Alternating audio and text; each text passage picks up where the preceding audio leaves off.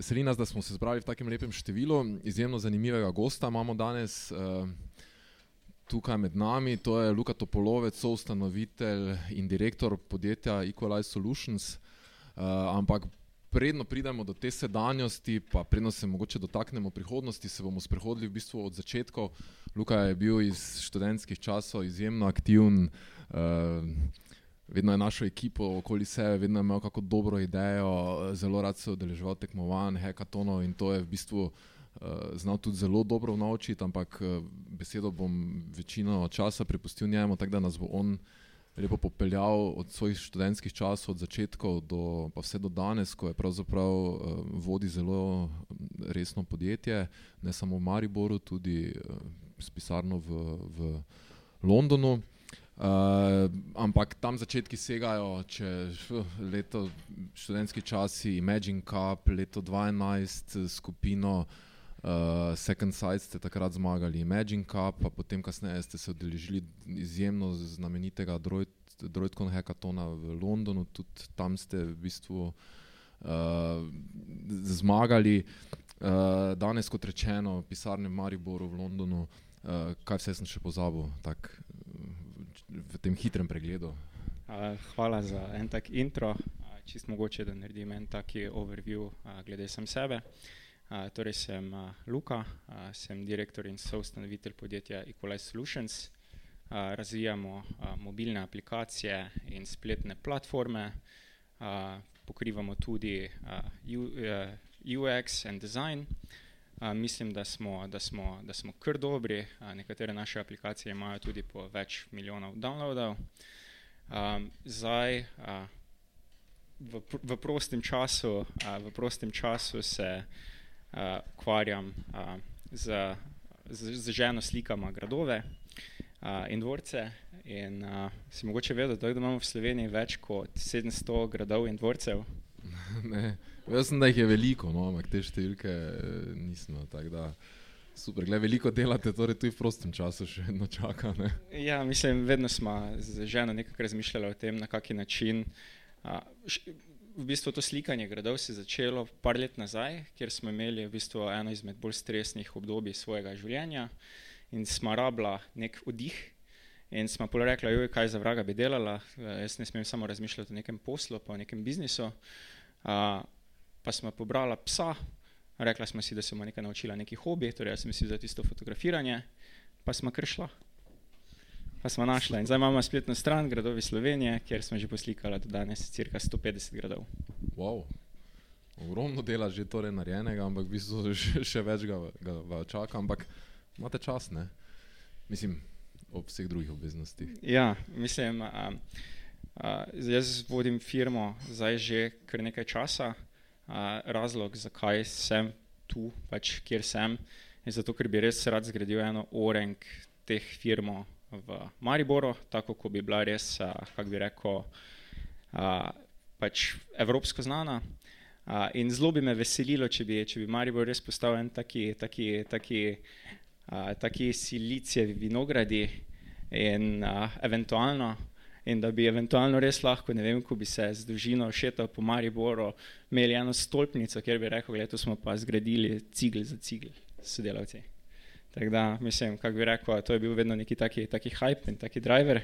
In ja, zato, z, z, z, z, ravno zaradi teh stvari, pač je kot neki, kako bi rekel, kot neki, neko gorivo, ki me nekako drži dalje. Ampak začelo se ne, tebe žene že od nekdaj, v bistvu študentskih časov na feriju v Mariboru, fakulteti za elektrotehniko, računalništvo in informatiko si študiral. Takrat si v bistvu okrog sebe osnoval skupino Second Sight. Uh, razvili ste pa takrat eno zelo zanimivo rešitev. V bistvu mobilni telefon ste spremenili uh, na tak način, da so ga lahko uporabljali tudi slepi in slabovidni. Ne? Odkot ideja, uh, kak do te rešitve? V bistvu ideja je bila zelo, zelo preprosta. Uh, Imagine Cup je bilo takrat uh, eno super tekmovanje. Uh, takrat smo mi bili uh, še ravno na faksu in štirje sošolci smo bili, kjer smo bili vsi nekako brez denara. In uh, glavna nagrada zmage na tekmovanju je bilo pa, pač predstavljanje id v New York. Da pa smo rekli, pf, radi bi malo potovali, kaj še nekako nimamo, dajmo zdaj to zmagati, pa gremo lepo v New York se fajn imeti. In to je bila tista, tista, tista osnovna ideja. Zdaj pa cel čas smo bili nekako nekak, tudi z, z, zelo dobro smo se našli kot, kot, kot ekipa in smo se tudi pač, smo, tega smo se lotili kot projekt, torej moramo zmagati. Tako da smo pogledali skozi vse te vem, pretekle projekte, ki so, ki so bili zelo uspešni, pogledali smo, kakšne kriterije, kaj pač moramo, moramo, uh, moramo narediti, da bomo prišli dalje. In po naključju smo prišli na idejo, ravno takrat so bili ti pametni telefoni, uh, so, so, so pač začeli biti popularni. Uh, in Imagine Cup, to je bilo Microsoftovo tekmovanje, kjer je zmagala ideja, ki je bila ki je, bila, ki je na nek način izboljšala svet, ampak po drugi strani pa je bila vseeno profitabilna in si je lahko pač naredil biznis iz tega. In takrat smo videli neko priložnost. Tako da pametni telefoni so zdaj na trgu, uh, imaš eno skupino ljudi, torej slepih oseb, ki jih ne more uporabljati. Uh, pogledali smo, da slepe osebe morajo kupovati različne te tehnične pripomočke, kot govoreči kalkulator, govoreči diktafon, govoreči ne vem kaj še vse vsaka taka naprava je stala vem, po 200 evrov ali več. In smo se rekli, hm, študiramo, pač študiramo računalništvo, znamo programirati, kaj pa če bi mi naredili en taki glasovni vmesnik, kjer bi razdelili telefon na mrežo in bi tudi popolnoma slepa oseba se s prstom lahko premikala po zaslonu, uh, kjerkoli bi imela prst, bi lepo na glas povedalo, na, na kateri aplikaciji pač je, kaj se dogaja in bi naredili eno tako interakcijo, kjer bi lahko bi tudi popolnoma slepa oseba uporabljala pametni telefon in bi lahko uporabljala cel kup nekih takih pripomočkov, kot so, vem, govoreči kalkulatorji in podobno. Tako da s to idejo smo se nekako prijavili na to, na, na, na to Microsoftovo tekmovanje, smo v bistvu kar rasturali takrat in bili v bistvu zelo dobri. In uh, to nam je nekako tudi omogočilo, da smo zbrali prvi denar in dejansko štartali firmo. Um, da si veliko že o tem povedal, izkušnja je bila verjetno eh, nepozabna. Ne? Ni bilo na koncu, da ste samo do New Yorka prišli, ampak uh, tam se je pravzaprav potem na nek način tvoja pot šele začela. Ne? Tam ste tudi zavidljiv rezultat dosegli, pa ste v bistvu uspeli to idejo še prodati. Ne? Eh, ja, mislim pač, vedno je bilo, kaj, kaj lahko naredimo pač dlje. In vedno smo si upali iti malo izven tega komfort zona. Recimo, to je bilo Microsoftovo tekmovanje, ampak mi smo se recimo prijavili z Android rešitvijo, kaj je z direktno konkurenco. Pa smo vseeno prišli vem, v, na sedmo mesto, cirka vem, 300 tisoč prijavljenih, kar je bil pač zelo zavidljivi rezultat. In takrat smo pač videli, hm, očitno nas imajo vsi radi, zdaj smo tu prišli a, naprej. Uh, zdaj smo se začeli pojavljati v nekih medijih. Uh, imeli smo enega tega co-founderja, Tina, tako je bil tudi v bistvu zelo, zelo dober retorik in je zelo dobro se znal prodajati. Uh, in smo pač probali čim dlje to spuščati. In uh, smo bili, se mi zdi, kot neki taki boy band, tak, tak, tak čist mladi, lepo nahajpani, delamo neke dobre stvari, tu ne vem, hodimo gor po New Yorku, pičemo tam, ne vem, pač marsikomu, ne.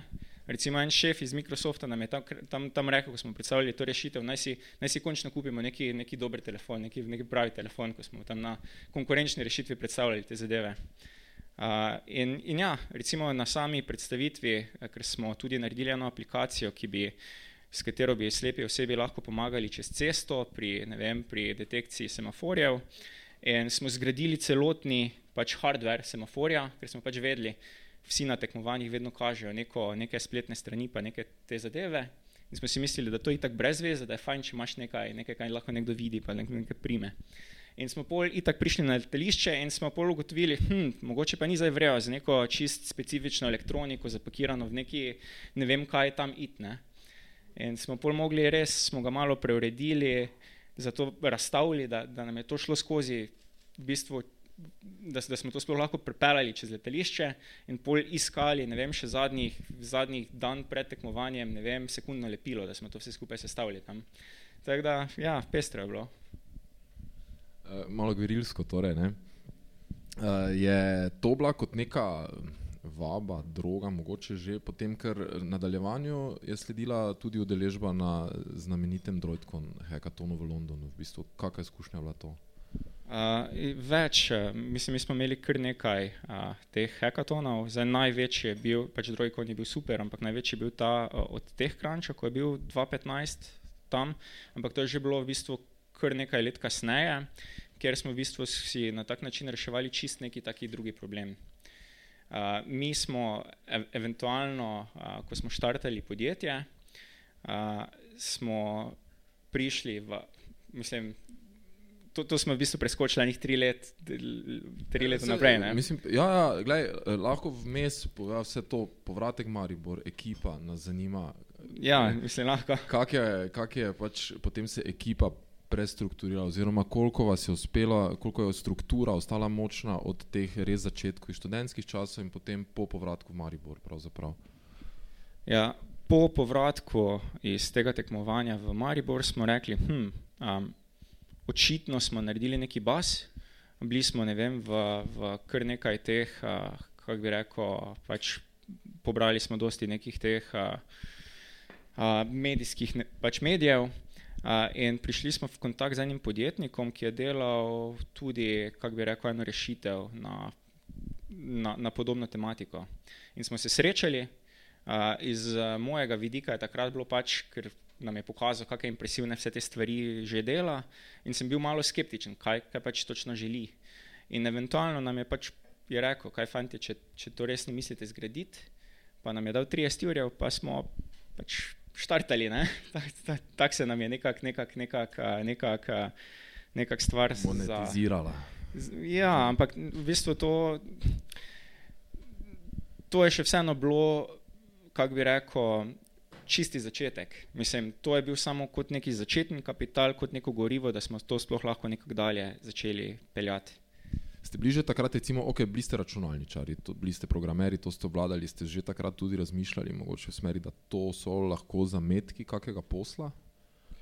Te agende verjetno ni bilo, no? ampak potem, ko so se zadeve začele rolati. Uh, ja, mislim, z našega vidika smo vedno nekako razmišljali tako podjetniško. Mislim, vsaj z mojega vidika, sem ne vem, prodajal neke zadeve že, že v osnovni šoli naprej. Uh, in cel čas sem bil nekako, kako bi rekel, podjetniško naravnan. In tudi njim je bil taki problem vprašati za kakšne te stvari. Ne? Recimo, ko sem vedno bil na nek način brez denarja, pa ko sem uh, ko sem probal nažicati nekaj keša za to, tak, da grem ven, ne, sem vedno Ateo to rekel pred vsemi njegovimi kolegi. Ker pol mu je bilo nerodno, da mi ne bi dal in mi je dal. Ne. Ampak s tem sem vedno pač mogel malo premagati, tako bi rekel. Ne. No, si taktiko. Ja, ne, pač. pač. ne, tako da. Ja. Super. Uh, je, je pa vedno bil, bila neka želja, da bi, da, bi, da, bi, da bi nekaj naredili, pa da bi eventualno imeli eno tako firmo. Um, takrat smo ugotovili, pač tak, da, da lahko v bistvu se začne to bistveno prej, kot smo pač pričakovali. Okay, ampak kljub temu rešitev Second Sight ste potem prodali. Ja, z rešitvijo Second Sight, to je, bil, to je bil v bistvu, zakaj smo na začetku štartali, štartali samo podjetje, to je bil ta produkt za slepe in slabovidne. Z tem uh, začetno investicijo 30 tisoč evrov smo dejansko malo pogledali, kak, koliko dela bi to, bi, mislim, koliko dejanski uh, biznis lahko iz tega naredimo.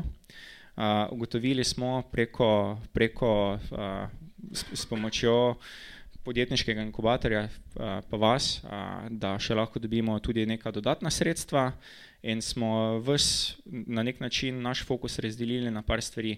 Na ena stvar, da pogledamo, kako daleč lahko posel spravimo. Recimo, če bi mi zdaj targetirali v osnovi takrat samo Slovenijo, v Sloveniji je bilo samo, ne vem, tisoč, recimo, slab, slepih oseb.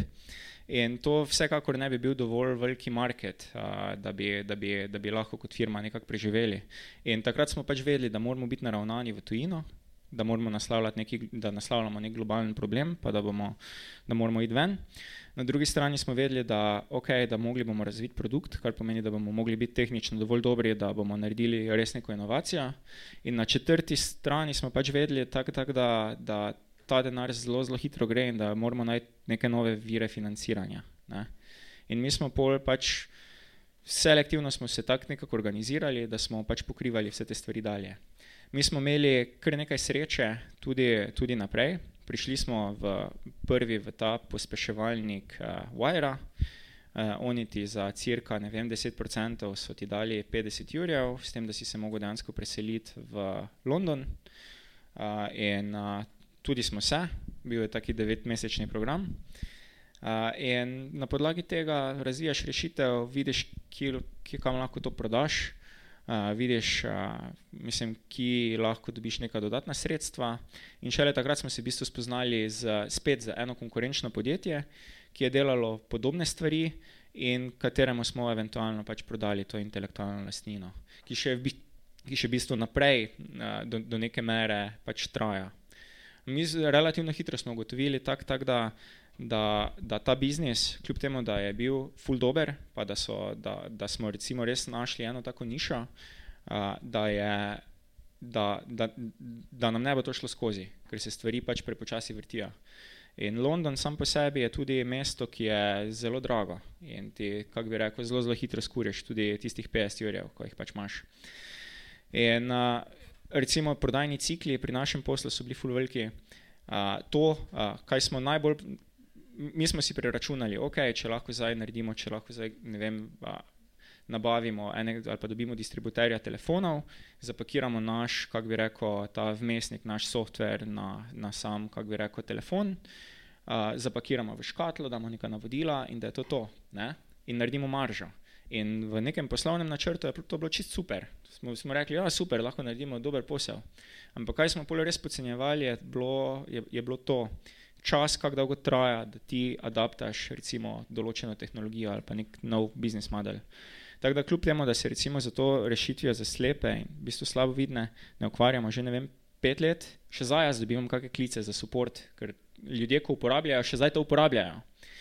Uh, ampak learning experience pa je bil full veliki in to bi nas na koncu, na koncu, na koncu povozilo, ker ne bi mogli na, na, na masi, ne bi mogli nuditi nekega takega, podpo, ta, takega suporta, pa, ki, bi, ki bi ga lahko nekako monetizirali, zato da, da bi firma lahko uspela. In zato smo pol iskali. Prav zaradi tega smo takrat. Uh, že ko smo videli, tak, da ne bomo imeli dovolj, uh, dovolj denarja za plačati najemnino v Londonu, smo rekli, ok, kaj pa bi lahko drugega delali, zato da si to vse skupaj pokrijemo. In takrat smo prišli v ta drugi del naše firme oziroma naše zgodbe, ki je razvoj programske opreme. Ker in, in, in na začetku smo začeli bootstrapati, kar pomeni tako, da smo bili v, v bil je pač Vajra, ta pospeševalnik, ki je bil taki veliki coworking prostor, a, kjer je bilo vem, izmed 700 firm, katerih so se prijavili, so oni investirali v 21, torej 21 nas je bilo 9 mesecev v enem takem velikem prostoru, torej 21 firm, ki so delali pač različne stvari, pa ki so dobili pač funding in večina jih je bilo v tem, a, v, v IT-ju, v tehnologiji in itak, da smo dobili prijatelje. Ne? In pol pač je bilo tako, da so videli, da smo, recimo, da smo dobri, da, da znamo delati, in smo dobili vem, prvi posel, drugi posel, tretji posel, in se je tako vse skupaj začelo širiti. Tako je bilo to pri nas, glede tega. Ne? In pol eventualno smo pač popolnoma preklopili ta naš poslovni model iz tega, tak, da smo delali vem, produkt za vem, slepe in slabovidne, v to, tak, da zdaj delamo vem, programsko opremo za, za različna startup podjetja ali pa tudi kakšne večje firme. Tak je bil scena. Uh, veliko teh izkušenj, pravzaprav z udeležbo na Hekatonih, si omenil. Uh, teh priložnosti, pospeševalniških programov, tega danes še več kot takrat. V bistvu, ja. uh, če, se, če se zdaj ozreš nazaj, uh, se ti zdi to prava pot recimo, za podjetnika? Vem, verjetno naj ne slušatelje tu zanima predvsem to, ali je vredno. Je vredno iti tako daleč se potruditi za udeležbo, se boriti za, za zmage, za odlične rezultate na tekmovanjih, za to vidnost, za to, da skozi pospeševalniške programe potem prideš do, do nekega cilja. Ja, mislim, mi smo pač pospeševalniki, recimo še posebej ti mednarodni, so zelo super, ampak je tudi kar težko priti not. Mi smo se recimo z našo idejo prijavili na enih 40 pospeševalnikov, je bilo takrat, pa smo ne vem, samo dobili odgovor do enih petih pol smo dobili, uh, pol smo, dobili uh, pol smo imeli, ne vem, pač odgovor. Uh, na povabilo za nek prvi klic pa je bila le Vajra, ne, pač ta londonski. In takrat nismo bili zdaj pretirano zbirčni, kam bomo šli, ampak smo pač vedeli, da nekam moramo iti in da nekaj moramo delati. In imeli smo en prvi ta Skype klic, kjer smo 20 minut uh, predstavljali naš poslovni model, našo vizijo, kaj hočemo narediti. In pol so nam rekli, ok, te pa pridite v London. In smo relativno hitro, ne vem, v, v, v tednu, pač celotna ekipa lepo spakirala, pa šli, pa šli gor. In tam je 9 mesecev predvidoma. Ne? Ne, takrat je bil samo demo dan, kar Aha, posledično okay. pomeni, da je bilo onek firm, ne vem, bilo jih enih 50. Ne? Ki so mogli še v živo predstavljati pred vem, komisijo enih, enih 13 ali pa 14 ljudi in predstaviti stvari. In uh, mi smo prišli predstaviti, nismo vedeli, ali, ali, ali bo ali ne, ampak vseeno je bilo dovolj decent šans, da smo pač probali. In ja, lakali smo bili sprejeti in je bilo šlo, šlo to naprej. Uh, ta komisija recimo, je sestavljena predvsem iz investitorjev, mentorjev, podjetnikov. Ne vem, kdo, kaj je struktura. Uh, ja, kako bi rekel, ja, podjetniki, mentori, dosti jih je bilo tudi bi rekel, iz teh večjih enterprisov. Enemu, uh, en je bil šef uh, te telefonike, enega prodajnega oddelka. Pa ko smo mu tako lepo zavzeto to, uh, to uh, pičali, nam je tako za foro rekel.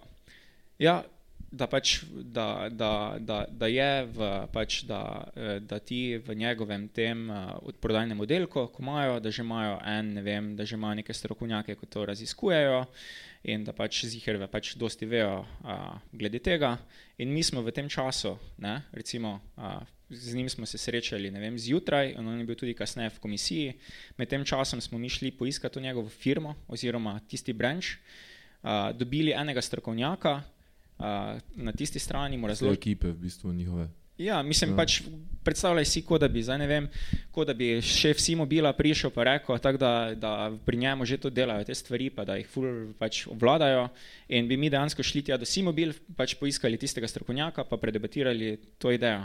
In pol naslednjič, ko, ko, ko smo ga videli tam noč, smo mu rekli, mi smo šli tja, smo se menili tudi vaši pravijo, da, to je, da je to super. In mislim, s tem smo ga seveda, bil, bi rekel, tak, s tem smo ga kupili, ne? ker, je, ker je bilo Neka tisto, tisto nekaj je rekel, mi smo šli, hands down smo šli tja, pa smo zrihtali. Super. Odlično. Um, uh, misliš, da je recimo, omenil si uh, funding, ki ste ga dobili vi potem v pospeševalniškem programu, seveda denar dobiš, ampak omenil si pa tudi bootstrapanje. Zdaj, eh, če kdo ne ve, slučajno svoj denar ste vlagali za to, da ste, da ste firmo ohranjali, da ste posel ohranjali. V bistvu denarja je bilo premalo, kako, uh, zakaj bootstrapanje? Ja, bootstrapanje uh, je pri nam pač pomenilo, da smo mogli zaslužiti denar iz nekega drugega vira, kot je core business. Ne? To je načeloma problem, ki ga dosti startupov pač ima. Zato, ker tako dolgo, ker prva stvar je ta, da nič, min, nič meaningful se ne zgodi v enem letu, tako da ne glede na to, kaj delaš, traja več let, preden boš prišel do neke točke, da boš dobil nek specifičen rezultat. In uh, če hočeš to narediti, moraš preživeti ta čas. To je, to je, to je tisto zlato pravilo. Ne? In za kako to narediš, je pač več različnih načinov. Ne? Zdaj, uh, bootstrapanje, problem tega je, tak, da ti vzame fokus in da eventualno pol switchneš čisto v neko drugo smer. Ampak tudi mogoče to ni nič narobe glede tega. Pač. No, to sem zdaj predvsem izpostavil zato, ker uh, pogosto se zdi, po mojem, neka slika od zunaj uspešna zgodba. Uh, marsikdo se ne zaveda, da zelo dolgo traja, da do tja prideš. Marsikomu se zdi, da uspeh pride čez noč, pa nikoli ne pride, predvsem pa da je ogromno nekega odrekanja, pa tudi ogromno denarja. Vključenega. Da, uh, mogoče kako vprašanje na tej točki z publike? Uh, izvoli. Um,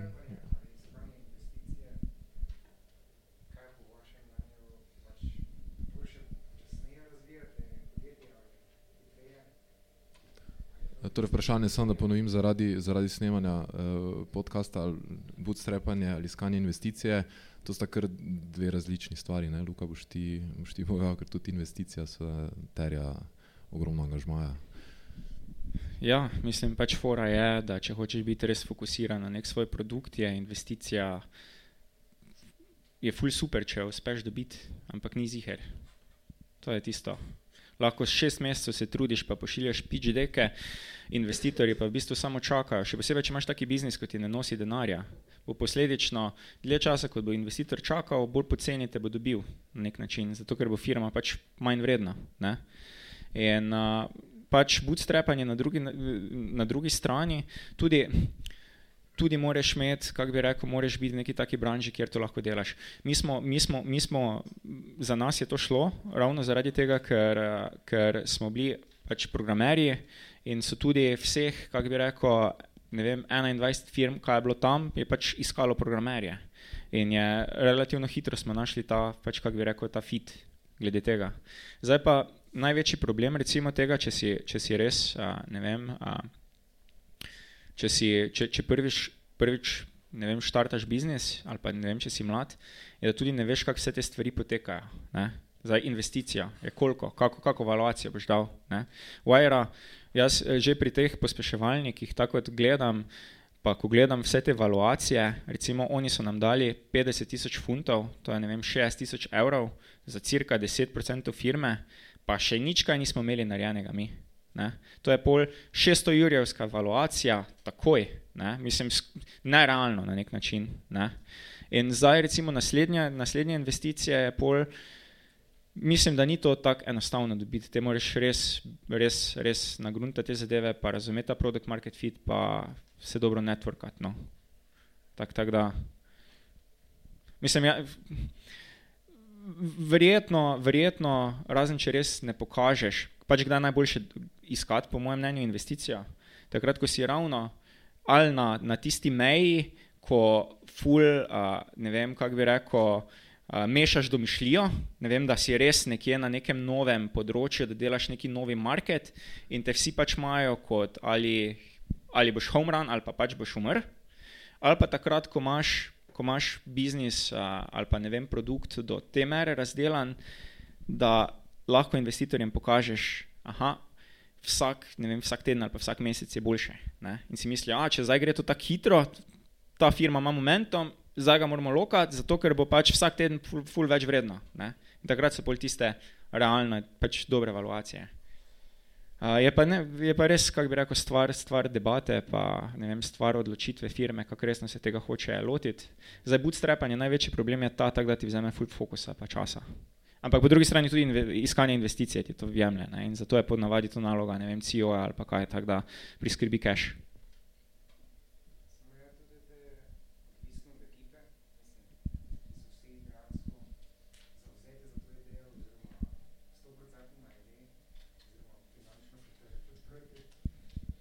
Ja, mislim, te, te ima vsekakor ima firma pol več možnosti na nek način, da sproba idejo. Ne, ker tudi to je, lahko imaš ti super ekipo, uh, kjer ideja na začetku zgleda fulvrejo in pač s tem, ko ima cache, lahko te zadeve mogoče malo bolj prej sproba. Ampak tudi to, recimo pri določenih produktih so sell cikli tako dolgi, tak, tak, da traja ne vem, leto dni, preden se vse skupaj, vse skupaj obrne. Tako da je tudi zelo težko to na, na, hitro, na hitro preveriti. In ja, mislim, kako bi rekel, to iskanje investicije, pa ta stres, ko pride zraven, ko začne, ne vem, podjetju primankovati cache, je pol tisto, kaj dejansko pokaže, ali je ekipa res nekako trdna, ali, ali, ali bo to šlo skozi, ali ne. ne? Super, hvala Luka za izčrpno razlago. V vsakem primeru ogromno angažmaja, tudi če bi iskali investitorja ali pa bootstrapanje, vsekakor ogromno energije, denarja. Uh, če se z Londona potem vendarle vrnemo v, v Maribor, prijemo do Equaliza. Uh, ne še takoj. uh, Equalize je že bil pol, Equalize aha, je, že, je bil pol ta del bootstrapanja. Aha, je že bil, to je že bilo pod Equalize, ok. Ja. Um, Equalize Solutions v bistvu, ne? Ja, to je, to je bila v bistvu firma, ko je ja. Ja, v Angliji. Uh, okay, se je ekipa na tej točki ali pa tukaj vmes kaj spremenjala, je ostala enaka. Mislim, da leto po se je kar jedro malo, malo spremenilo. Ne? Mi smo, mislim, kar se mene tiče, smo imeli kar taki, kako bi rekel, fluktuacijo uh, same ekipe. Že mogoče čist na začetku, ko smo mi štartali firmo, nismo bili čist, kako bi rekel, taka, taka enotna ekipa. Samo smo bili dovolj pametni, da, da smo si nekako rekli, okay, če se bomo zdaj tu nekaj kregali, pa kdo bo zdaj tu šef, pa kdo ne bo, pa kaj se bo delalo, da bomo zdaj to navzven zdaj to kazali vsem, bomo čist zasrali vse skupaj. Tako da smo bili, kako bi rekel, smo bili dovolj nekako pametni, tako da smo te zadeve rekli, da niso nekak, nekak prioriteta. Pa smo jih pol naknadno uredili, ko smo pač hitali tiste gole, kaj smo jih pač mislili. Super. Ker v osnovi velja, da ekipa mora biti posinkana, mislim, da lahko funkcionira, kar je sicer zelo idealistično in vedno. Vse to težko, nikoli ni, ampak, to dobro, ampak da ste bili toliko smart, da ste uspeli to preseči in v bistvu temu višjemu cilju slediti. Ne? Ja, mogoče smo vsi imeli neko, kako bi rekel, v osnovi to tako, tak, da bomo vsi skupaj na boljšem, če bo to šlo skozi. Um, to, kar ste prinesli iz Londona, biznis, uh, glede biznisa, je to bila pol že popotnica v bistvu za vse, kar ste v nadaljevanju delali, oziroma kaj je bil prvi neki prebojni posel, prva neka resna stranka, uh, kako ste do tega prišli, kako ste, ne vem, ne na zadnje prodrli na trg. Ja, mislim, pač prva resna stranka so bile, kako bi rekel, te firme znotraj Wire, tako se je to v bistvu nekako nam začelo. Uh, čist, čist prva stranka je bila v bistvu ta, uh, to podjetje, ki je eventualno prevzelo to našo intelektualno vem, lastnino, um, ki je delalo pač podobno stvari in je htelo imeti bolj prilagojeno, uh, bolj prilagojeno to, kako bi rekel, ta produkt za slepe in slabovidne za, za njihove telefone. In takrat smo pač videli, da lahko nekaj naredimo in da lahko nekaj zaslužimo, in počasi se je to pol gradilo no, čez, čez nekaj let. Kakšna je razlika, ko recimo pristopiš do podjetja, potencijalne stranke ali pa ne vem, mora biti celo poslovnega partnerja pri nas ali pa v tujini? Mm. Hm. Mislim, vi ne na zadnje seveda nagovarjate zelo globalno z jezikom, ki ga govorite, pač programiranje, ampak kljub temu verjetno razlika je, ne? vedno je nekdo naročnik. Ja, mislim, mi, mi jemljemo vsako stranko kot pač nek, nek kako bi rekel, neki unikat na nek način. Uh, definitivno je fajn, da že imamo kot podjetje, imamo že do, mislim, večina posla zadnje čase tako ali tako pridobivamo samo preko teh uh, referralov. Uh, to je pač, ko, ko delaš dovolj dobro neke projekte, da te stranka eventualno priporoči nekim svojim tem partnerjem. In takrat ti referali so v bistvu full vrejo zaradi tega, ker je že vzpostavljen neko zaupanje, ker je pač nekdo drug, nekdo drug jamči nekako za nas. Uh, in um, zato se mi zdi tako, da je pri večina teh uh, IT firmah, uh, ko so nekako podobni sceni kot, kot mi, da delujejo pač na tem principu, da ko delajo dovolj dolgo ali pa ko, ko, ko imajo nek standard kvalitete, niti ne rabijo več pretirano iskati nekako aktivno posla. No? Je pa na začetku, so nam recimo ti hekatoni pa te zadeve pomagali postavljati kredibilnost. Tako je bilo, je bilo uh, zelo hecno, čisto na začetku, ko smo bili še v, v, v Londonu. Uh, pa sem bil na sestanku z stranko uh, in se je stranka ravno pritoževala nad, uh, nad, nad begunci, pač kakšni problemi so tam, uh, pa kakšni vidi uh, v Londonu. Pol pa mi je rekla, ja, ja samo ti pa luka, ti pa si vrejo, stav pa nimam problemov. In me kar, in, in me kar, kar, kar me, tak me, tak, tak me malo predalčkala zraven. No? In uh, pol smo pač vedeli, ok, v Londonu je bil full takrat uh, znan ta teh crunch, pa teh crunch desrat, pa droidcon, pa take, kako bi rekel, taki,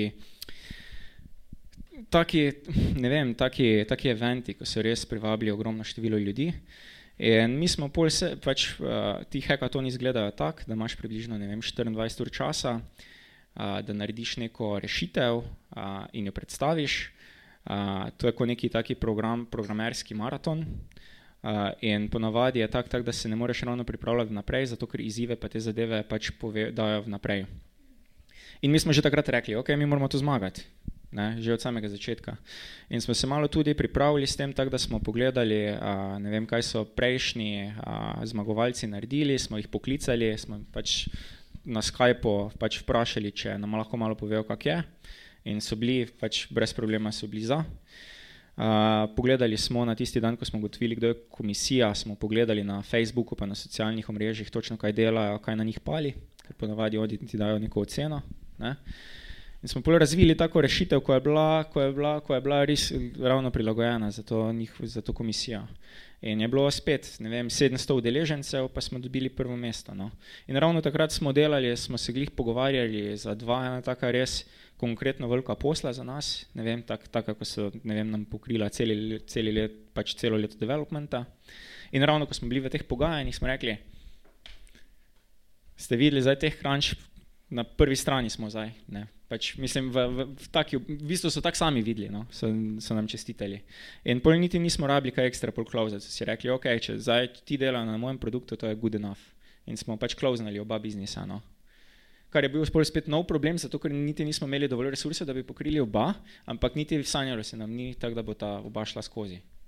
V takih situacijah zagrabiš, pa rešuješ potem z resursi, ali, ali se strašiš. Pa, eh, ne, ne vem, zdaj, to, kar zaznavamo pri vas, recimo, predvsem sistematičnost. Ne? Vsako stvar ste očitno zelo dobro uh, naštudirali, malo zhekali po svoje. Ne? Pa neka tekmovalnost, seveda, verjetno sta to ključni sestavini za, za uspeh tudi na teh nivojih. Ja, veš, kaj je največji problem? Recimo, če hočeš zhekati neki sistem, moraš vedno vzeti neke rizike in pač tudi prevzeti odgovornost, ko karkoli gre na robe, ne? kar je pol veliki part, part tega. In mi smo pač se šli tega Richard Bransonovega moto, motota, ki je, če ti da nekdo priložnost, pa še nisi čist ziger, reči ja, pa, pa se nauči kasneje. In jaz se spomnim, da sem takrat, ko smo to dobili, sem tudi, sem, ni da ni, sem, sem klical vse, kaj sem jih poznal za pomoč, pa če poznaš, ne vem, kakšne, kak bi rekel, uh, kakšne ljudi, ko lahko pomagajo. Se prav spomnim, sem šel po svojem, po svojem telefonu, še frizerja, ko sem imel v telefonu, sem klical, če poznam koga. Ampak eventualno smo dobili, pa smo, pa smo, pa smo zrihtali. Ta fake it till you make it pristop, ampak to deluje. V bistvu. Mislim, na koncu se poklopi, vam se absolutno dovolj energije ste vložili v to in dovolj prebrisani ste bili. Mogoče, ja. mislim, da se marsikdaj kakšne stvari tudi backfirajo, ampak pač to moraš zakup. No in danes, recimo tukaj v Mariboru, nedaleč stran je sedež vašega podjetja, do nedavna celo v vetrinskem dvoru, pa zdaj par korakov proč, približno 25 eh, članov šteje ekipa v Mariboru. Ne? Plus minus, ja. Okay. Kako ste prišli do tega, v bistvu, kak, kako skrbno izbereš, kako uh, dobro izbereš člane ekipe, uh, kako se zdaj mogoče spremenja ekipa, ali je bolj ali manj stalna? Uh, ne vem, to je v bistvu zelo tako vprašanje, ko se še ga sproti nekako uh, nekak učimo. Uh, zdaj v osnovi mislim tako, da recimo v tem poslu, kaj smo mi, niti ni tako pretirano težko ali razširiti ekipe ali, ali jo zmanjšati. Pač največji, uh, ker, ker, ker na nek način prodajamo storitev, ne? kar pomeni, več imamo projektov, več imamo ljudi, ki znajo nekaj narediti, večja je lahko firma.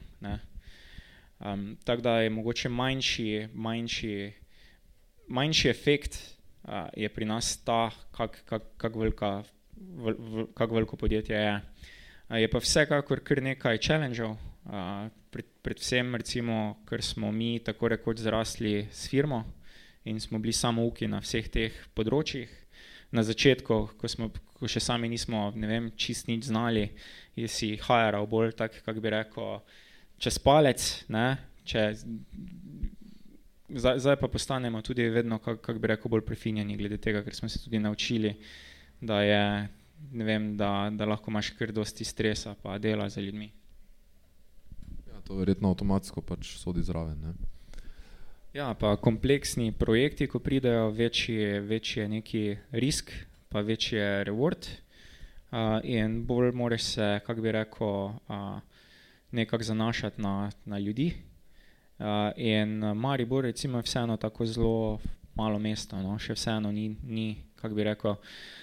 Trenutno je tako, tak, da recimo vse te IT firme, ki so tukaj, v večini primerov se niti ne, kako bi rekel, tepe za posel, ker posla vsi imajo na nek način dovolj, ampak se tepejo ali pa ne vem, so si konkurenca, kar se tiče dobrih ljudi.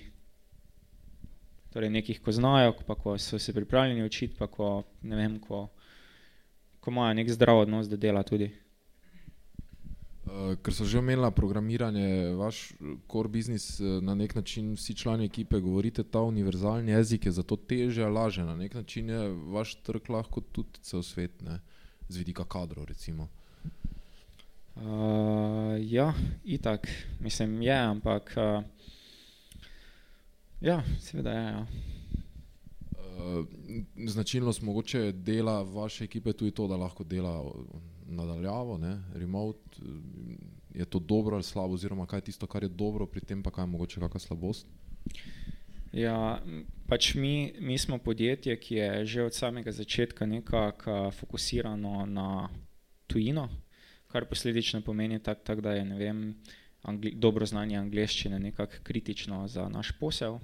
Recimo ravno zaradi tega imamo tudi, ne vem, imamo, imamo privatnega učitelja angleščine, ko pomaga našim do tega pač na, na, na tedenski bazi, da se izboljšajo v sami angleščini.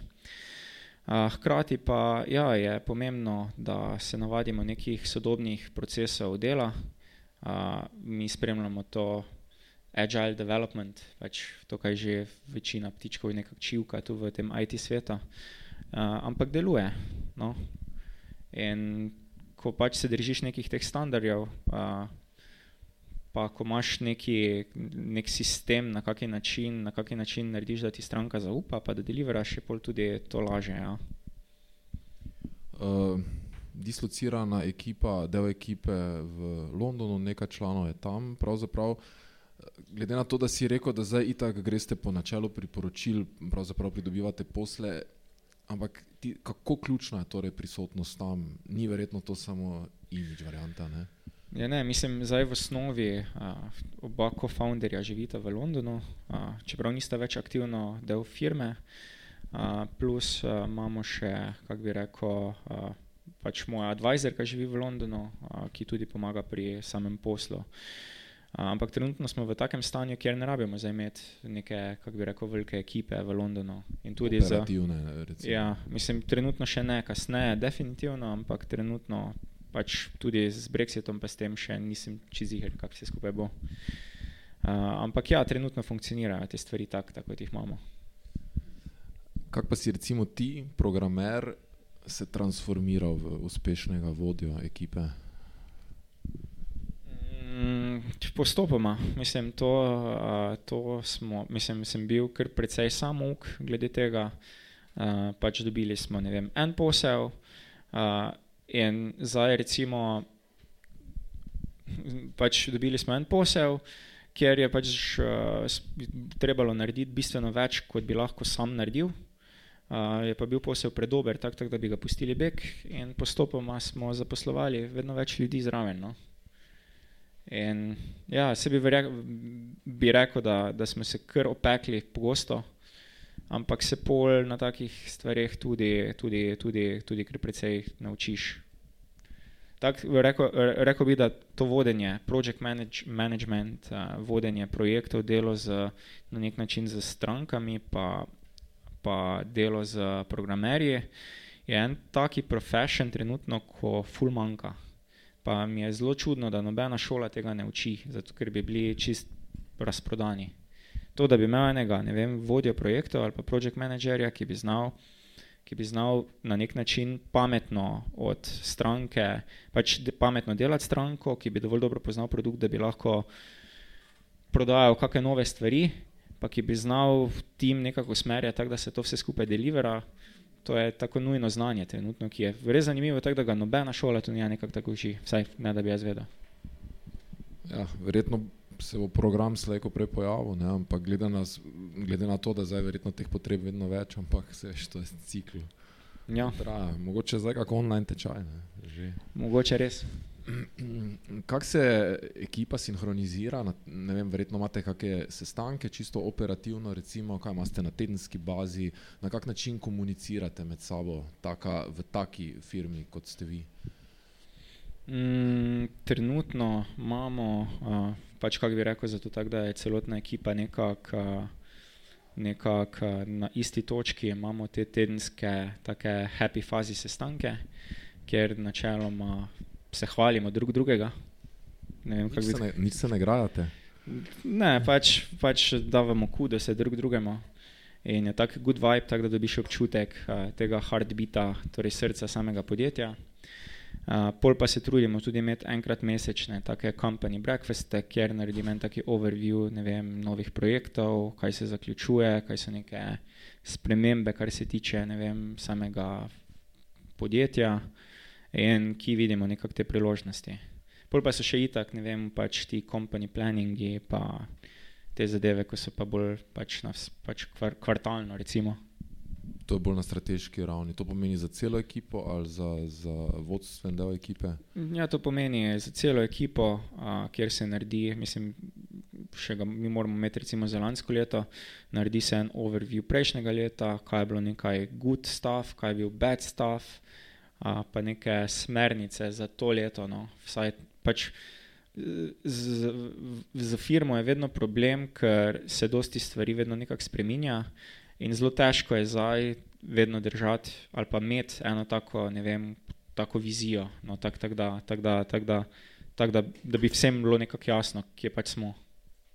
Se tudi tukaj je, je tako, tak, da, da, da še vidim, da nam precej nekako manjka, no, pa dosti je room for improvementa.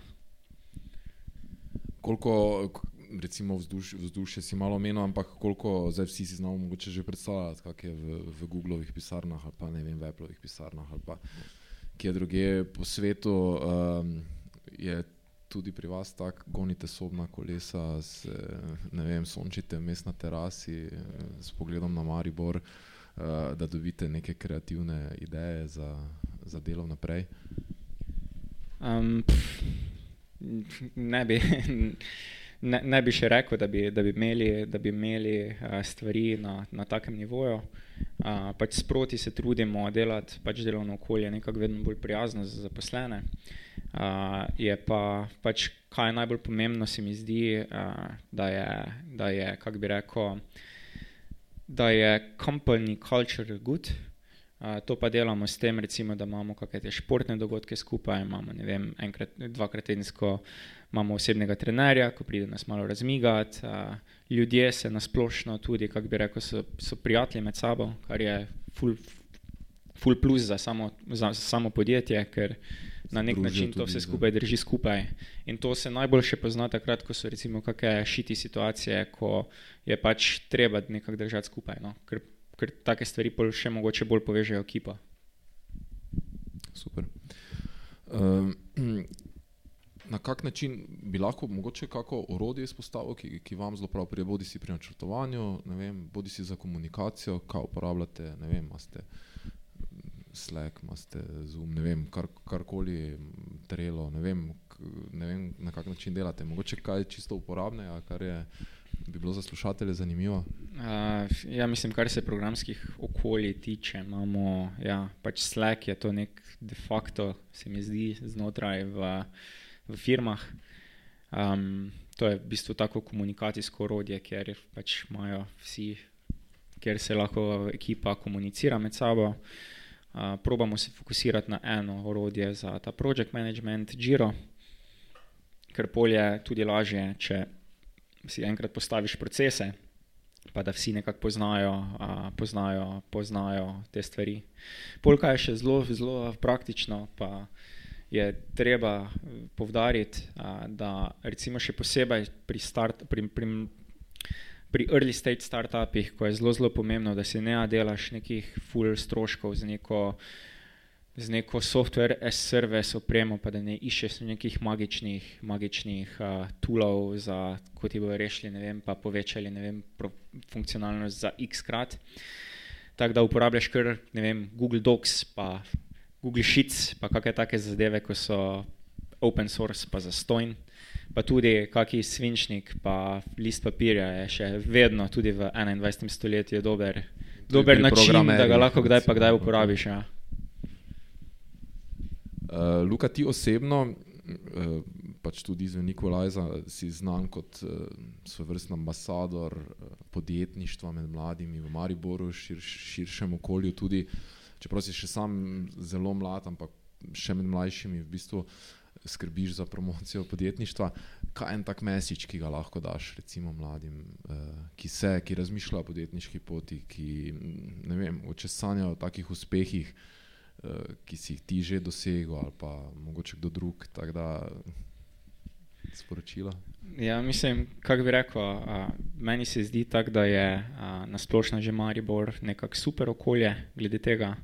A, tukaj je priložnost, da recimo, ker še vseeno tako kot nek mali Teksas, da, da se lahko naredijo z relativno manj truda, a, kar spremembe, a, da je fajn videti tujino, pa da tudi recimo, ko se pogovarjam z temi kolegi, ki živijo v Londonu, je tudi dosti, pač velika večina si tudi že želi priti nazaj da je recimo ta, kako bi rekel, pogum, da greš pa narediš nekaj, kaj, kaj, kaj, kaj, kaj ti ni ravno prijetno, da je, da je pač zelo pomembno. To, da si, recimo, da si študent, je na eni strani lahko veliki plus, ker znaš preživeti tako rekoč na, na nudlih, pa še imaš vedno podporo staršev, ki ti lahko pomagajo na drugi strani pa pač malo, uh, malo bolj uh, malo downside, ta, tak, da nimaš pretiranih uh, uh, izkušenj in povezav. Um, ampak vsekakor se mi zdi tako, da je pametno razmišljati, uh, da se začneš povezovati z industrijo, pa obiskovati evente, pa začneš buildati nek svoj network, uh, zl, že, že zdaj, čim prej, uh, ker je to pol zlata vredno tudi, tudi za naprej. In uh, kaj se mi pa zdi, da je nekako najbolj pomembno, kar se tiče nasplošno in biznisa in samega življenja, uh, je to, da pač uh, ne biti kreten do drugih, pa da pač ne vem.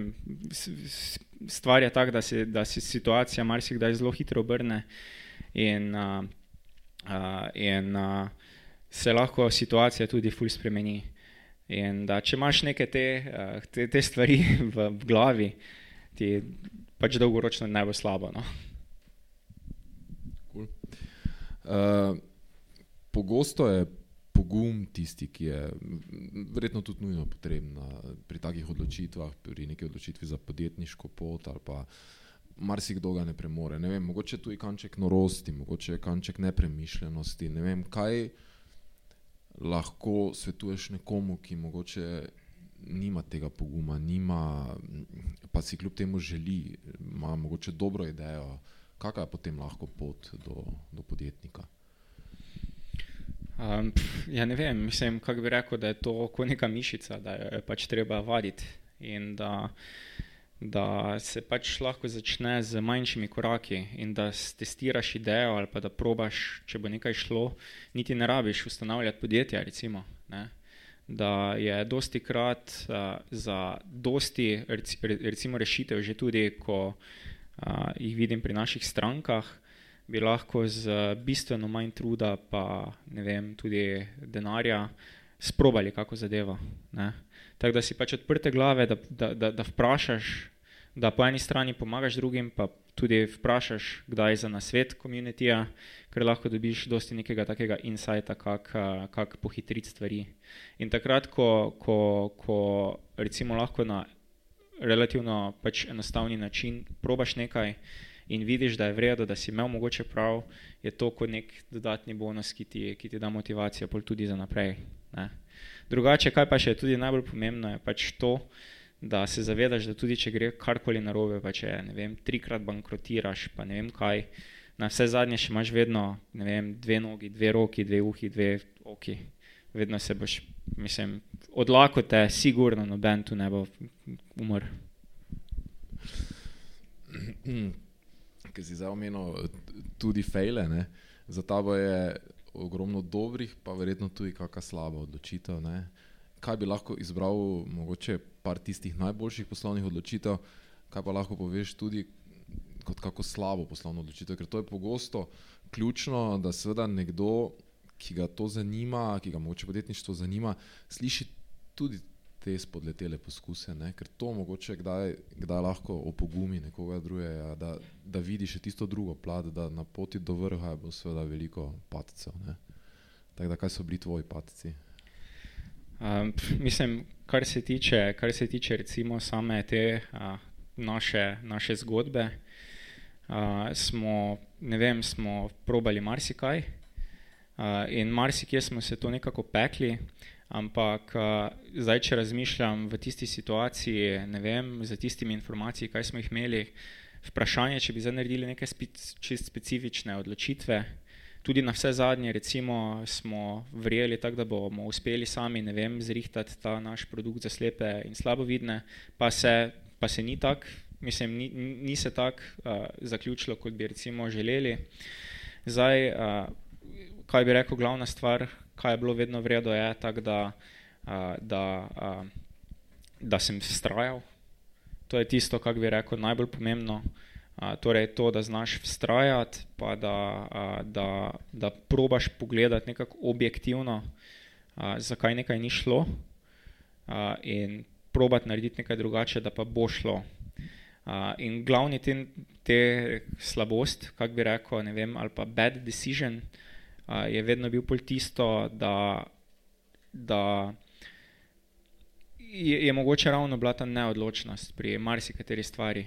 Ne? Še posebej, ko delaš z ekipo ali pa ko delaš vem, na projektih, ko moraš potegniti kakšne take poteze, ko niso fajn, ampak bi lahko vem, ekipi pomagale a, in pač odlašaš z stvarmi. Zato ker, zato, ker, a, zato, ker pač si misliš, da je to, ne vem, da, je, da, je, da, je, da se bo že nekako samo uredilo. In pogosto je tako, da marsikdaj se samo uredi, da določeni problemi se samo od sebe rešijo, ampak zdaj, če bi šel nazaj, kaj mi je, kaj mogoče je vedno nekako najbolj, ne vem, najbolj gledam, uh, je pač to tako, da bi uh, vztrajal pri stvarih, ne vem, od tega, da sem, da sem se začel naučiti neke te stvari, ne vem, od programiranja do posla in sem pol prišel do nekje do polovice, pa pol nehal, ne, nisem vztrajal, tako da to je tisto pač glavni problem. In pol spet ta, kako bi rekel, da, da dobiš ta attitude, da pač let's do it, ne, da, da, da probaš to omahovanje, a, ne vem, pač dati na stran. Kaka, dobro, vedno se verjetno ne da, ne? ali pa si rekel, včasih počakaš, mogoče včasih ni časa, da počakaš, da se nekaj samo uredi. Včasih je verjetno treba ukrepati. To ja. pomeni, da, da kako priložnost tudi spustiš. Ja, veš, kaj je fora? Ne? Fora je tako, da recimo v biznisu je vedno tako, tak, da se nikoli ne počutiš siguren. Nikoli ni dovolj časa, pa nikoli nimaš dovolj informacij, zato da narediš neko odločitev. In največji problem je pol ta, da če ne vem, si v neki situaciji, ko gre, ko gre s firmo na robe, uh, začneš dvomiti, ne vem, mogoče tudi sam, sam, sam sebi, pa v, v, v, v, v, v svoje odločitve. In to pol gre v neki taki downward spiral, kjer moraš spet sam najti neko motivacijo, da se potegneš ven iz tega. In da pač, ne vem, veš tako, da, da ne glede na to, kaj what happens, gledaj, jutri posijalo sonce, pa nebo, mislim, pa boš lahko šel dalje. Ne? Poiščeš kdaj tudi pomoč od zunaj, ne vem, tako strokovno, recimo, mogoče čisto psihološko, mogoče en tak, uh, samo toliko, da, da dobiš od zunaj, mogoče neko potrditev. Uh, ja, mislim, kako bi rekel, to je, uh, to, je, uh, to je tisto ključno, kar se mi zdi. Je, da, recimo, da si najdeš nekaj v komunitiju, uh, nekoga, ko ni nujno, da je vem, pametnejši ali pa da je, vem, da je fulbol izkušen, ampak ko je samo šel skozi neko podobno situacijo kot ti kar je včasih ful težko dobiti, zato ker dobiš včasih kakšne advisorje, ko tudi mislijo, da ful vejo, pa, pa vseeno, recimo, nisi ti ravno taka, taki, taki puzl, ko bi spadal tja not in ti lahko dajo napačne nasvete. Uh, tako da peers v smislu, v smislu nekoga, kaj šel skozi podobno zgodbo, kjer lahko se iskreno nekako pogovoriš ali pa kjer je neko zaupanje. Včasih je to tudi kon konkurenca, ne, ker so konkurenc, pač konkurenca je šla skozi enako zgodbo. Ne? In to se mi zdi, da da neki, neko, neko ful dodano vrednost pri nekih teh, a, pri takih odločitvah, ko nisi čist ziger, pa ko rabiš neko dodatno potrdilo. Slovenski, pa seveda tudi mariborski podjetniški ekosistem je zdaj zelo živahen. Ne? To se pravi, najdeš že te kolege, tako rekoč, v neposrednji bližini okoli sebe. Ja, jaz, je sigurno, lahko, sigurno najdeš. Po drugi strani pa je tudi tako, tak, tak, da ne rabiš biti zdaj čist, uh, čist uh, mislim, ne rabi to biti specifično iz Slovenije. Tako tak, da, ne vem, pač probaš najti ali pa id v neki taki komuniti, kjer uh, se vidiš, pa kjer lahko pač veš, tako da ko boš nekomu nekaj govoril, da vsaj šteka, kaj govoriš. Cool. Je pa sigurno, kar se IT-ja tiče, tu v Mariboru je že, se mi zdi, presenetljivo dosti oren koren dobrih firm, tako da tu že lahko narediš marsikaj. No. Jaz sem full nahajpan glede tega ekosistema tukaj, ker mislim, da bo full dober v naslednjih letih. Samo na IT področju ali generalno podjetniškega ekosistema? Mislim, vse IT področje je tudi tako, se prepleta že v skoraj vse ostale vem, spektre. Ne, na zadnje, ne vem, nanosatelit nastaja tukaj, super računalnik nastaja tukaj. To so že vse zametki nekih, nekih novih dimenzij, ki jih bomo pravzaprav dosegali tehnološkem, pri tehnološkem preboju. Ne? Ja, mislim, tu imamo, tu imamo prednost. Mislim, kaj še vedno prednost Maribora, je tak, da si lahko eventualno, da, da se še vseeno, da, da še sektor ni tako zasičen in še vseeno lahko, kako bi rekel, si eventualno, ne vem, velika riba v malem ribniku, kako bi rekel. Uh, in to je ena taka prednost, če si pol tisti, ko, ne vem, ko probaš postavljati neke komunitete. In zato se mi zdi tako, da recimo vsi, kaj, kaj, mislim, kaj, kaj, kaj imate neko željo tu nekaj narediti, je to ful lepa priložnost, zato ker je, ne vem, ker je, ker, ker se lahko naredi z relativno nižjimi sredstvi, pač ful večji neki impact, kot bi ga recimo lahko naredil v Londonu, ne? ali pa že mogoče tudi v Ljubljani. Absolutno, tam so pač neke druge priložnosti, o katerih smo danes govorili. Ja. Pač včasih je pa tudi treba iti tja, ali pa je dobro. Ja, ja se, se, se, se absolutno strinjam. Pa skombinirati to dvoje, če se le da. da. Kako vprašanje na tej točki?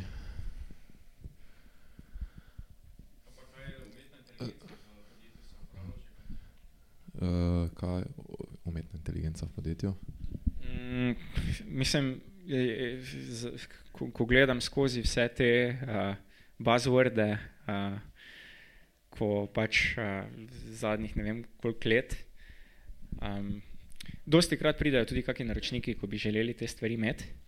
In pol pač ugotovimo tako, tak, da to pač, mislim, je to na koncu samo neka statistika ali pa if stavek v končni fazi. Uh, kar posledično pač pomeni, ja, mi še sicer nismo imeli nekih takih primerov, kjer bi res dejansko videli, tak, da bi zdaj to nekako pasalo, zato ker ne vem. Pač je pa vsekakor lažje ne, za, za nekoga, kaj, kaj piče, za neko idejo, da, da, da ko prodaja to poslovnim partnerom, reče, da ja, to je zdaj umetna inteligenca na blockchainu z data miningom, pa z vem, še IoT-jem v vesolju. Uh, bo pa vseeno, bo pa, bo pa, bo pa top v, ne vem, vsaj na, na določenih področjih, ne vem, v naslednjih nekaj letih. Ja.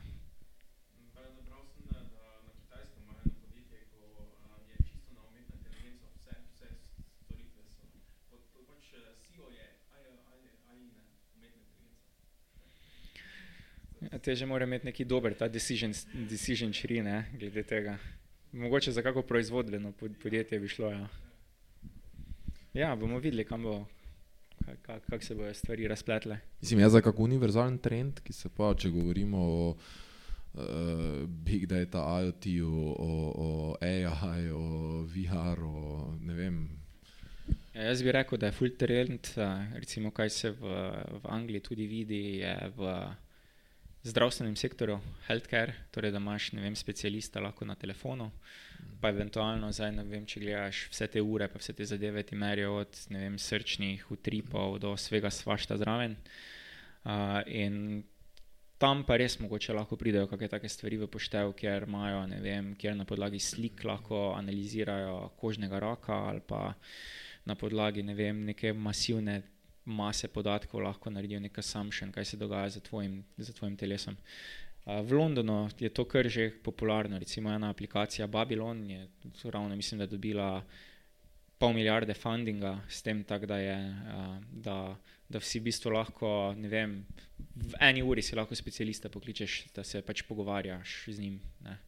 In zdaj še taka situacija, da je video klic, pol pa ti še ima tisti, tisti, tisti stetoskop, ali kaj že gor, ko si tudi ne moreš predstavljati, da te bo poslušal prek telefona. Uh, ampak, uh, ja, mislim, gre v, gre v, gre v health, he, healthy big, uh, plus uh, te finančne tehnologije, uh, to je tudi uh, kar trendovsko, torej, ne vem, Revolut, Monzo, karkoli, kar se tiče, ne vem. Um, biznisa, torej a, pač a, malih podjetij, pa financiranja le teh, biznis akonti. Tako da tukaj so zdaj te dve, ne vem, kako bi rekel, nekako največji, kar se mene tiče. Ja.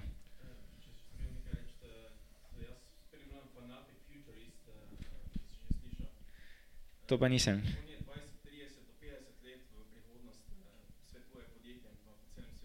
Aha.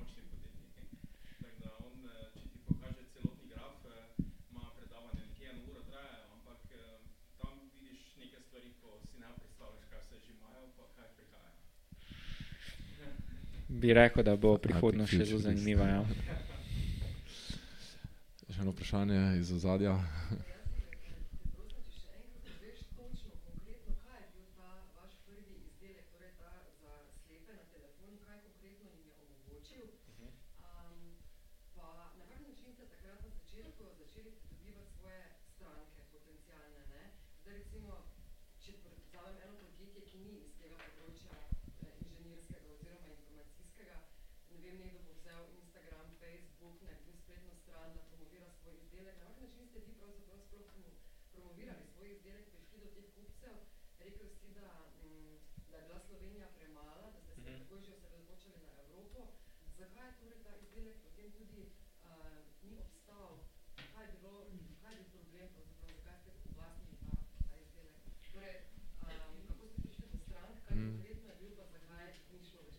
Torej, ja, kaj je bil izdelek? Ja, kaj, samo ponavljam, zaradi snemanja. Kaj je bil izdelek, kako ste prišli do prvih strank in zakaj potem se ni obdržal? Uh, torej, izdelek je bil, da ne vem, če mogoče kar vzamem telefon. Uh, izdelek je bil en taki, uh, taki uporabniški vmesnik, uh, kjer je bil razdeljen v mrežo, če si predstavljate, in ko je, ne vem, ko je uporabnik, recimo, ja, ko je slepa oseba recimo s prstom drsela po, po zaslonu, je sproti odgovarjalo, na kateri, lokaciji, mislim, na kateri aplikaciji se je nahajalo. Tako da je bilo recimo vem, kalkulator, uh, diktaf, uh, diktafon, uh, vreme, uh, oddaljena pomoč in druga. In pol, če je vem, z dvojnim pač klikom oseba kliknila, je zagnala tisto aplikacijo. In to smo v bistvu naredili, pač ta uporabniški vmesnik čez celotni telefon, Hkrati pa smo naredili take aplikacije, ki so, vem, ki so, ki so, ki so to pol podprle.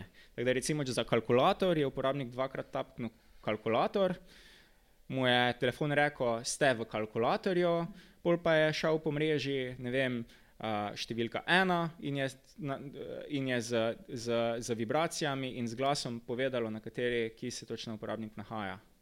Tako da tudi, recimo, tudi popolnoma slepa oseba je lahko, je lahko, je lahko, uh, je lahko uporabljala v bistvu ta telefon. Uh, pri, pri treningih smo uporabljali modele iz gline, tako da so ljudje dobili občutek, kako je dejansko ta mreža, dejansko fizično na otip, kako kak bi to vse skupaj izgledalo. Um, tako da v osnovi to je, bil, to, to, to je bil izdelek takrat in to je bilo že precej časa nazaj. Zdaj, uh, recimo, uh, kasneje je Google že toliko napredoval, tak, da je te stvari imel v, prevzeto v telefonu, da, si si lahko, da so si lahko nasplošno sami aktivirali to storitev. Ampak takrat, ko smo mi štartali to podjetje, še tisto ni bilo nekako razvito iz strani, iz strani Google in je bila ta naša rešitev res nekako advanced.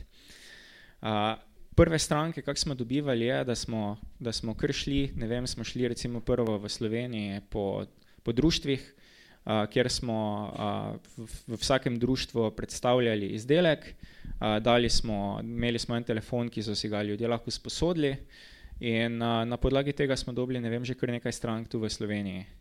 Kar pomeni, da je bilo vse skupaj zapakirano, ti si dobil recimo sam telefon, ki ti je že od samega začetka, ne vem, Uh, iz škatle je bil prilagojen pač za, vem, za popolnoma slepo osebo, zraven so bili ti modelčki iz gline, kjer so dobili občutek, kako dejansko je na vtip pač ta stvar izgleda, in navodila.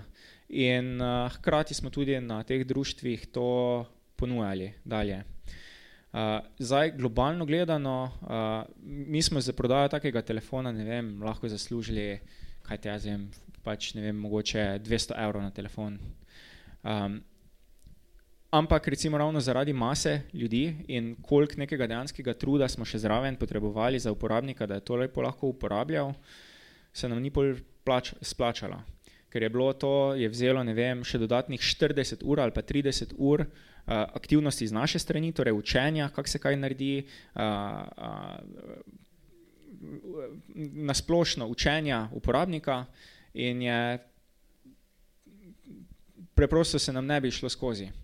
V Londonu smo se probali povezati z ta Royal, Royal National Institute of the Blind, kjer smo tudi bili, smo bili, ne vem, produkt meseca, produkt, ne vem, smo, smo bili zelo uspešni, zelo smo spremljali to, kako bi rekel, grupo, uporabniki so nas imeli full radi, spremljali smo, ne vem, imeli, imeli so Ice Free, Google grupo, kjer smo bili zelo aktivni, ki smo komunicirali z temi bolj tehnično naprednimi, slepimi osebami.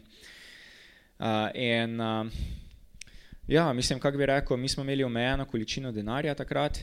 Uh, recimo, že samo, da smo prišli do kakega sestanka tam v tem društvu, je trajalo pet mesecev, in preden bi to lahko spuščali naprej v, ne vem, v, v, v, v, v kako ali telefoniko ali kakšen avto, torej ne vem, kjer bi dejansko imeli operaterje bi rabili, vem, par let.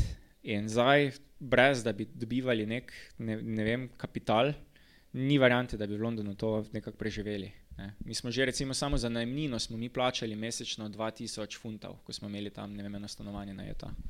In zdaj to, aha, sestanek čez 4 mesece ali pa čez 3 mesece, uh, in pol se samo sešteva, ne. Plus tega, da človek more preživeti tam. Uh, tako da smo imeli v bistvu zelo srečo, da smo, da smo, da smo, uh, da smo, da smo uspeli dobiti tega poslovnega partnerja, ki to stvar naprej tiši. Tako da še naš izdelek vedno živi, s tem tako, da ga ne delamo mi. Ne.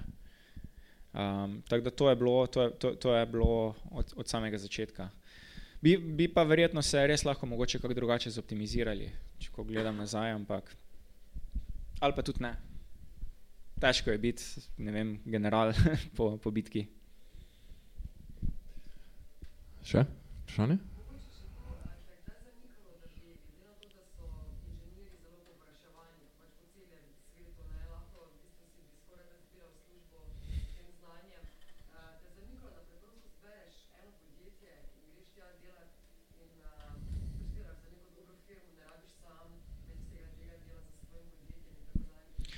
Ja, v bistvu to se je zgodilo tudi z, z, z, z v bistvu vsemi tremi mojimi founderji, ker so, si, so živeli v Londonu, so videli, okay, da se mogoče tudi ne splača zdaj imeti ful, tak, ne vem, celodnevni šiht, mislim, 12-urni šiht, a, hkrati a, se boriti konstantno zadnjih, ne vem, par let za neko stvar.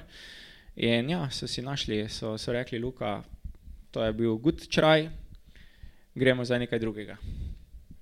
Uh, iz mojega vidika pa je bilo vedno tako, no, tak, tak, da, da, da mi je bilo nekako, ne vem, ta.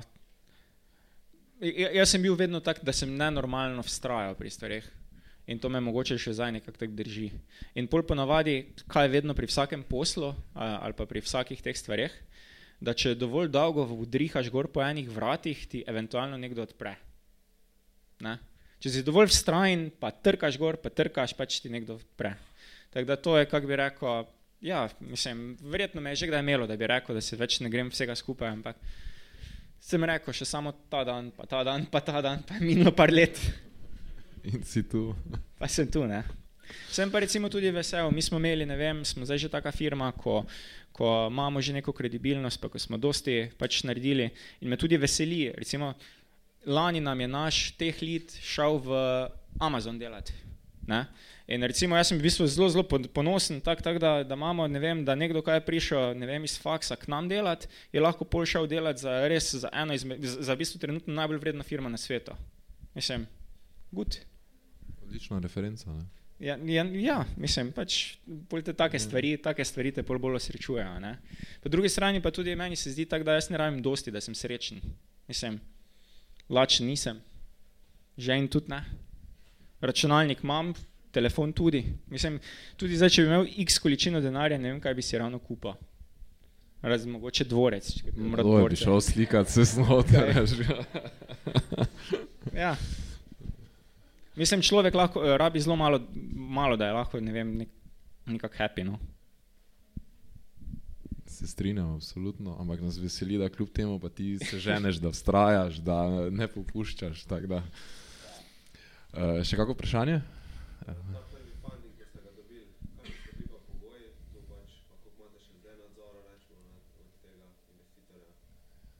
Kakšni so bili torej pogoji za prvi funding in nadzor investitorja? Dobro vprašanje. Uh, v bistvu ni bilo nekih takih zelo specifičnih pogojev.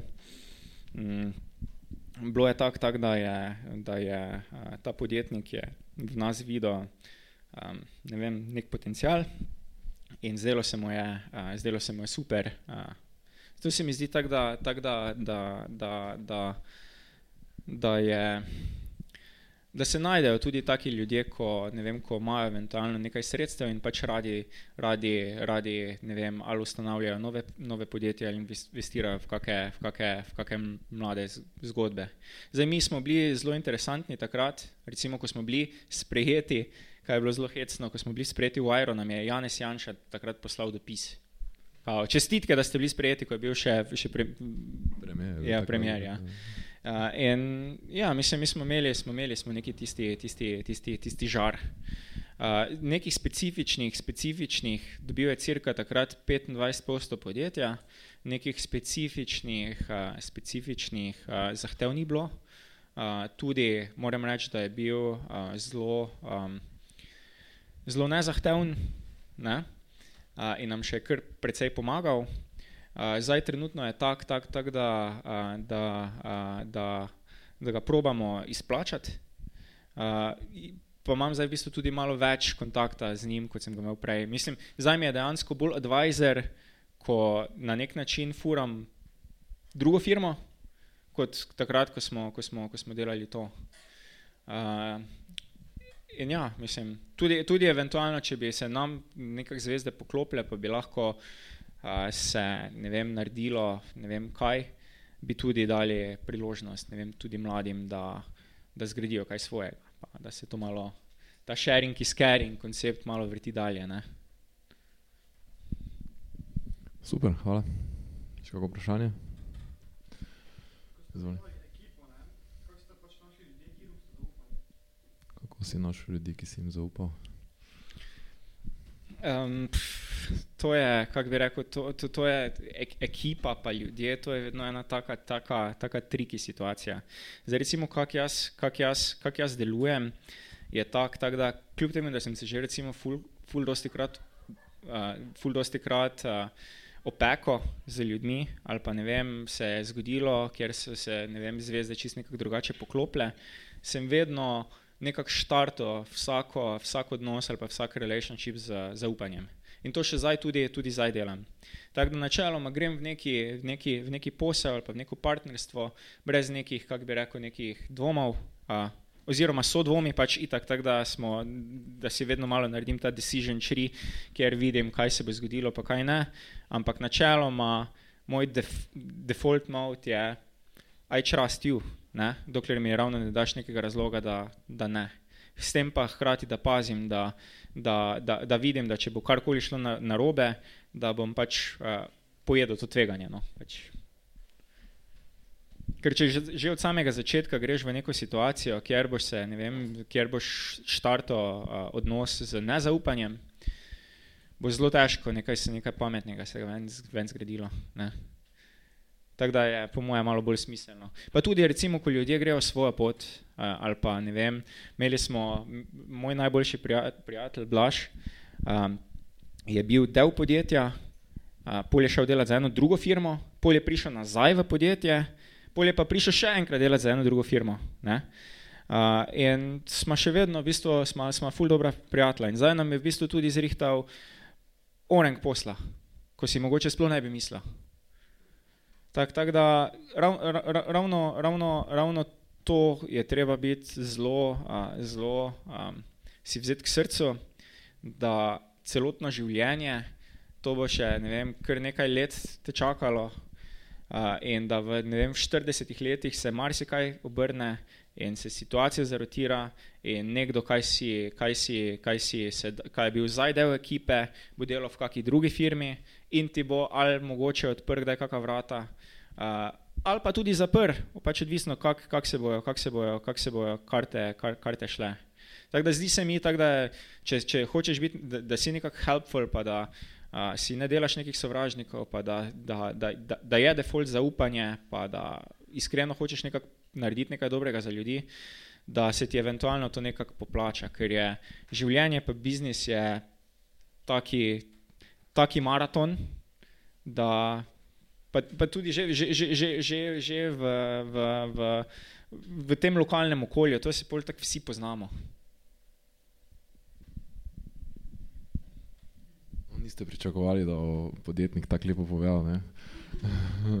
Ne, Luka je res, res izjemen in poseben. Da, uh, sicer zdaj, uh, I don't want to steal your thunder, ne, pa pridružil se nam je Mateoš, Mateoš Petek, je ustanovitelj Povio Lepsa, še enega izjemno uspešnega podjetja, ki posluje v Mariboru in v Ameriki. Uh, tako da, zdravo, Mateoš. uh, še kako vprašanje? Če nas sva eh, pripeljala ta pogovor do konca, eh, jaz mislim, da ste veliko zanimivega zvedeli, kako vstopiti v svet podjetništva, eh, pa tudi kako vse se da uspet, ne? pa še kaj druga zraven, še kako življenjsko resnico, s katero vam je Luka postregel. Tako da še po pogovoru ga tudi lahko podsukate za rokav, če vas kaj zanima, če zdaj niste upali vprašati. Tako da jaz se ti zahvaljujem, Luka. Uh, jaz bi mogoče še samo tudi zdaj dodal. Uh, na, mislim, vedno je fajn, da si gradiš nek network. Tako da bi zdaj predlagal zdaj za vse, ki pač imate LinkedIn, uh, ali pa tudi tisti, ki ga nimate, da si ga ustvarite, pa me ednite gor s pripisom, vem, da smo se srečali na eventu, pa da se spostavi nek relationship, kjer se lahko eventualno tudi začne kakšna zgodba dalje graditi. Tako da to je z moje strani to. Super. LinkedIn. Torej, LinkedIn, LinkedIn Luka Topolovec.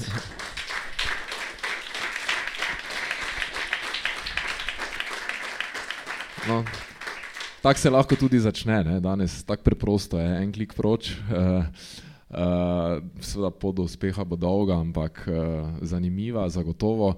Če imate kakšno inovativno idejo, če imate kakršno koli vprašanje, če bi se radi podali na podjetniško pot, tukaj smo, tovarna, ekip, uh, ekipa tovarne podjemov, Startup Maribor program. Skratka, uh, Eh, odlične priložnosti so vzpostavljene zdaj, okolje, podporno okolje, izjemno stimulativno na nivoju države, tudi na nivoju Evrope. Pravzaprav veliko priložnosti je in eh, če imate kakršne koli vprašanja, tovarno podjemo eh, je pravi naslov. Sicer pa najlepša hvala za današnjo udeležbo, da ste zdržali z nami do konca in upam, da se vidimo na naslednjem našem dogodku. Hvala. Hvala vam.